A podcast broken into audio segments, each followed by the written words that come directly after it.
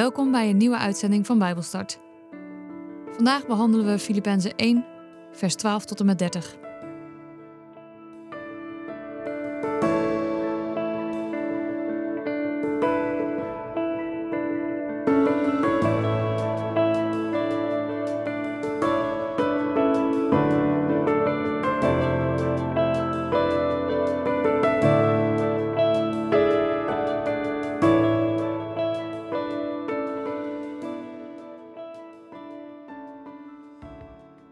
Ik lees met jullie uit de basisbijbel Filippenzen 1 vanaf vers 12 tot en met vers 30. Broeders en zusters, het is niet erg dat ik gevangen zit. Want door alles wat er met mij is gebeurd, heeft het goede nieuws zich nog verder verspreid. Want alle mensen aan het hof van de keizer hier in Rome en alle anderen hebben gehoord waarom ik gevangen zit, namelijk vanwege mijn geloof in Christus. En doordat ik gevangen zit, hebben de meeste broeders en zusters nieuw vertrouwen in de Heer gekregen. Ze zijn niet meer bang om in de gevangenis te komen. Ze durven zonder vrees het woord van God aan de mensen te vertellen. Sommige mensen vertellen de boodschap van God alleen maar omdat ze er jaloers op zijn hoe God mij gebruikt. Ze willen het beter doen dan ik. Maar andere mensen doen het met goede bedoelingen. Zij vertellen uit liefde over Christus, omdat ze weten dat het eigenlijk mijn taak is om het goede nieuws te brengen. Maar die andere mensen vertellen uit eigen belang over Christus. Ze hebben oneerlijke bedoelingen. Ze willen mij jaloers maken. Ze willen het mij extra moeilijk maken dat ik in de gevangenis zit. Maar wat maakt het uit? Want of het nu met eerlijke of oneerlijke bedoelingen is, het gaat erom dat de mensen het nieuws van Christus te horen krijgen. En daarom ben ik er blij over. En ik zal er ook blij over blijven, want ik weet dat die blijdschap mij goed zal doen. Ook jullie gebeden en de hulp van de geest van Jezus Christus helpen mij. Ik verlang en hoop vurig dat ik niets zal doen waarvoor ik mij zal hoeven te schamen. Ik hoop dat ik zoals altijd vol geloof en zonder vrees voor mijn geloof zal durven uitkomen. Ik wil dat Christus altijd de eer zal krijgen. Dat kan zijn door mijn leven, maar dat kan ook zijn door mijn dood. Leven betekent voor mij leven voor Christus. Maar als ik sterf, betekent dat voor mij nog iets veel beters. Want dan ben ik bij de Heer. Als ik blijf leven, kan ik werken met goed resultaat. Ik weet niet wat ik liever heb. Alle twee zijn aantrekkelijk. Ik wil graag uit dit leven vertrekken om bij Christus te kunnen zijn. Dat is voor mij het allerbeste. Maar nog blijven leven is beter voor jullie. Daarom vertrouw ik erop dat ik zal blijven leven. Dan kan ik bij jullie zijn. Dan kan ik jullie helpen om verder te groeien in geloof en in blijdschap. Als ik weer bij jullie kan komen, zullen jullie redenen genoeg hebben om God voor mij te danken in Jezus Christus. Maar jullie moeten leven op een manier die past bij het goede nieuws van Christus. Het moet niet uitmaken of ik naar jullie toe kom of dat ik hier blijf. Ik wil van jullie horen dat jullie één zijn met elkaar en dat jullie je samen inspannen voor het geloof in het goede nieuws. Laat je niet bang maken door de mensen die jullie tegenwerken. Want als jullie niet bang zijn, zal dat die mensen duidelijk maken dat zij verloren gaan. Maar voor jullie zal het een teken zijn dat God jullie heeft gered. Want God is goed voor jullie geweest. Hij heeft jullie niet alleen de kracht gegeven om in Christus te kunnen geloven, hij heeft jullie ook de kracht gegeven om voor Hem te kunnen lijden.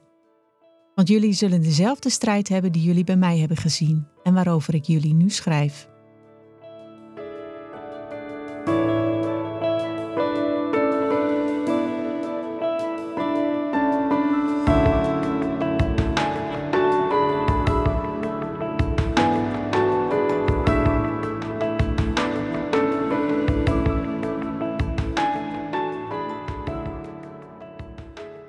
In de vorige uitzending hebben we een begin gemaakt met hoofdstuk 1. En we hebben uiteraard kort wat extra achtergrondinformatie behandeld over deze brief. De eerste elf versen gingen over een gebed wat Paulus heeft voor de gemeente in Filippi. We zijn vandaag verder gegaan bij vers 12 en daarboven staat het nut van Paulus' gevangenschap. De meeste mensen raken ontmoedigd door gevangenschap. Paulus ziet het als een nieuwe kans om het goede nieuws van Jezus te verspreiden. Paulus beseft dat zijn omstandigheden minder belangrijk waren dan dat wat hij er daadwerkelijk mee deed.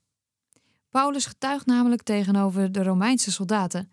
Hij moedigt christenen aan die bang zijn voor vervolging. Hij maakt van een slechte situatie iets goeds. En ik ga er even vanuit dat de meesten van ons nu niet in de gevangenis zitten. Maar ik weet zeker dat we genoeg omstandigheden kennen waarbij de moed in onze schoenen zinkt. Momenten van ruzies in het gezin, conflicten in de gemeente, geldzorgen, werkeloosheid. Ben jij ervan bewust dat onze houding ons geloof weerspiegelt? Ik weet dat er echt uitzichtloze situaties zijn. En toch wil ik je samen met Paulus aanmoedigen om in iedere situatie, zelfs in die hele moeilijke, een manier te vinden om jouw geloof uit te dragen. Want of de situatie nu wel of niet verbetert, ik weet zeker dat je geloof sterker wordt. Paulus had zo'n manier gevonden om in die nare situatie toch zijn geloof uit te dragen.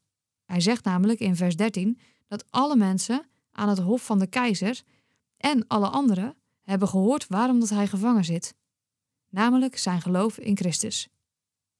Maar hoe kwam Paulus in de gevangenis? Nou, dat hebben we in Handelingen 21 tot en met 25 ook behandeld, dus ik ga er maar even kort doorheen. Toen Paulus Jeruzalem bezocht, hadden enkele Joden hem laten arresteren omdat hij het evangelie verkondigd had. En tijdens zijn proces had hij zich op de keizer beroepen. Dat mocht, want hij was een Romeinse burger en had daar dus ook recht op. Daarom werd hij onder militaire toezicht naar Rome gebracht en daar werd hij onder huisarrest geplaatst, in afwachting van zijn proces. Dat proces was niet omdat hij een burgerlijke wet overtreden had, maar enkel en alleen omdat hij over Jezus verteld had. Op dat moment vonden de Romeinse autoriteiten het verkondigen van het goede nieuws geen zware aanklacht. Maar een paar jaar later kijkt Rome ineens heel anders tegen het christendom aan. En stelden ze alles in het werk om het christendom te vernietigen. Paulus had dus huisarrest. En dat zorgde ervoor dat hij nog het een en ander aan vrijheid had. Hij kon bezoekers ontvangen en hij kon doorgaan met brieven schrijven en spreken. En het effect was dat doordat Paulus gevangen zat, de meeste broeders en zusters een nieuw vertrouwen in de Heer hadden gekregen. En dat schrijft hij in vers 14. Ze zijn niet meer bang om in de gevangenis te komen en durven zonder vrees het woord van God aan de mensen te vertellen. Paulus legt uit dat sommige mensen jaloers zijn op hoe God hem gebruikt en dat ze misschien oneerlijke bedoelingen hebben en het Paulus extra moeilijk willen maken. Maar Paulus zegt in vers 18: Het maakt niet uit, want of het nu met eerlijk of oneerlijke bedoelingen is, het gaat erom dat de mensen het nieuws van Jezus te horen krijgen. En daarom ben ik er blij over. En ik zal er ook blij over blijven, want ik weet dat die blijdschap mij goed zal doen. Ook jullie gebeden en hulp van de geest van Jezus Christus helpen mij. Paulus gaat door met zijn werk en hij roept de gelovigen in Filippi op om ook vol te houden. Voor mensen die niet in God geloven, is dit leven het enige wat er is. Daarom is het begrijpelijk dat ze achter de dingen aangaan van de wereld: geld, populariteit, macht en aanzien. Dat is wat voor heel veel mensen belangrijk is in deze wereld. Maar voor Paulus, en hopelijk voor alle gelovigen, betekent het leven steeds meer leren van en over Jezus. Paulus' enige doel in zijn leven was om over Jezus te blijven spreken en meer en meer op Hem te gaan lijken. Welk doel heb jij in je leven? Paulus vervolgt in vers 20 met de woorden: Ik verlang en hoop vurig dat ik niets zal doen waarvoor ik mij ooit zal hoeven te schamen. Ik hoop dat ik altijd vol van geloof en zonder vrees voor mijn geloof zal durven uitkomen. Ik wil dat Christus altijd de eerste plaats krijgt. Dat kan zijn door mijn leven, maar dat kan ook zijn door mijn dood. Ik zei net al dat voor mensen die niet in God geloven, dit leven het enige is wat er is. Maar als christenen weten we dat er meer is.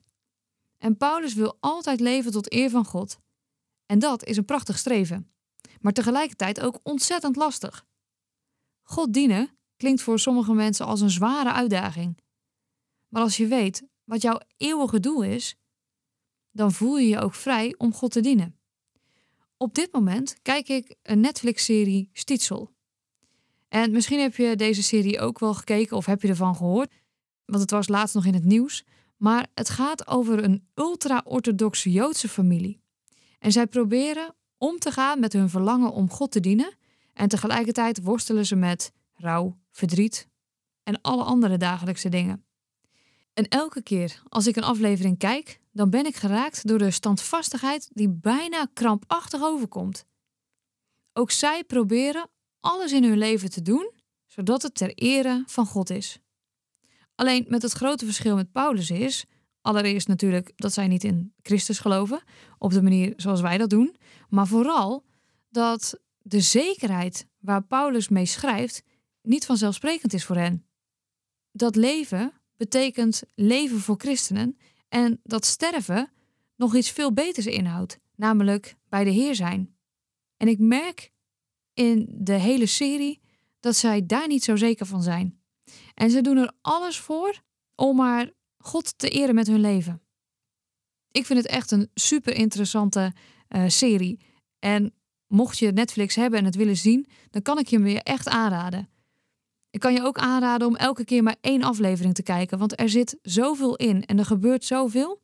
Ik vind het fascinerend om naar te kijken. Maar goed, even terug naar Paulus. Hij roept de gemeente in Filippi op om eensgezind te zijn en te leven op een manier die past met het goede nieuws van Christus. Opnieuw draait het om samen inspannen voor het geloof en het goede nieuws en om eenheid.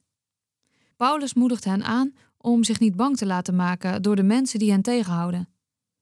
Als wij geen angst laten zien, zullen de mensen die ons tegenwerken begrijpen dat we niet bang zijn vanwege Jezus. Het zal een teken zijn dat wij gered zijn door God. Want God is goed. En God is dus ook goed geweest voor de gemeente in Filippi. En dan zegt Paulus: Hij heeft jullie niet alleen de kracht gegeven om in Christus te kunnen geloven, hij heeft jullie ook de kracht gegeven om voor Hem te kunnen lijden. Paulus heeft zijn hele leven als gelovige geleden, omdat hij het goede nieuws wilde verkondigen. Hij kent de aanvechtingen waar de Filippenzen tegen vechten. Hij kent de worstelingen tegen de macht van het kwaad.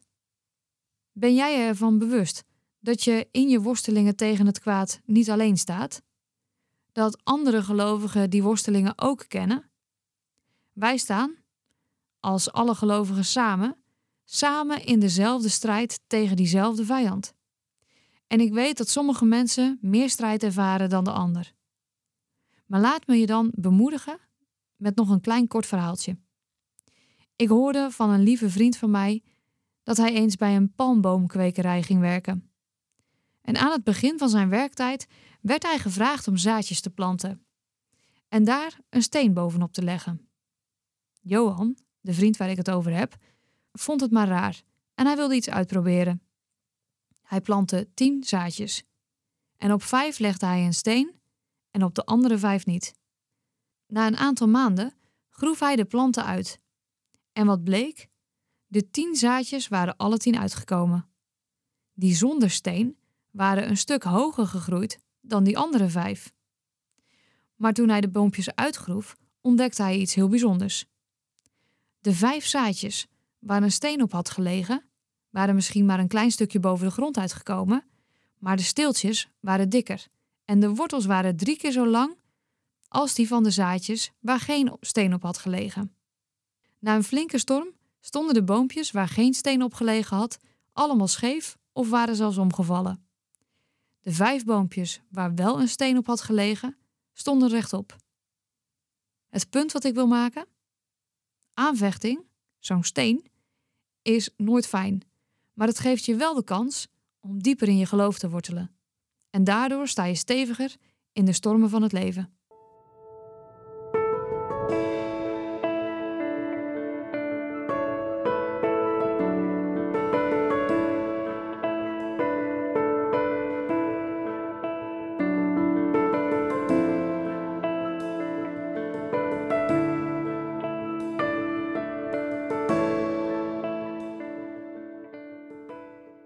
Dit was Bijbelstart, een programma van TWR. Het is gebaseerd op het Amerikaanse programma Through the Bible, ook wel TTB genoemd. En deze uitzending is een samenvatting van twee afleveringen. Wil je meer weten? Ga dan naar ttb.org of ga naar twr.nl/bijbelstart.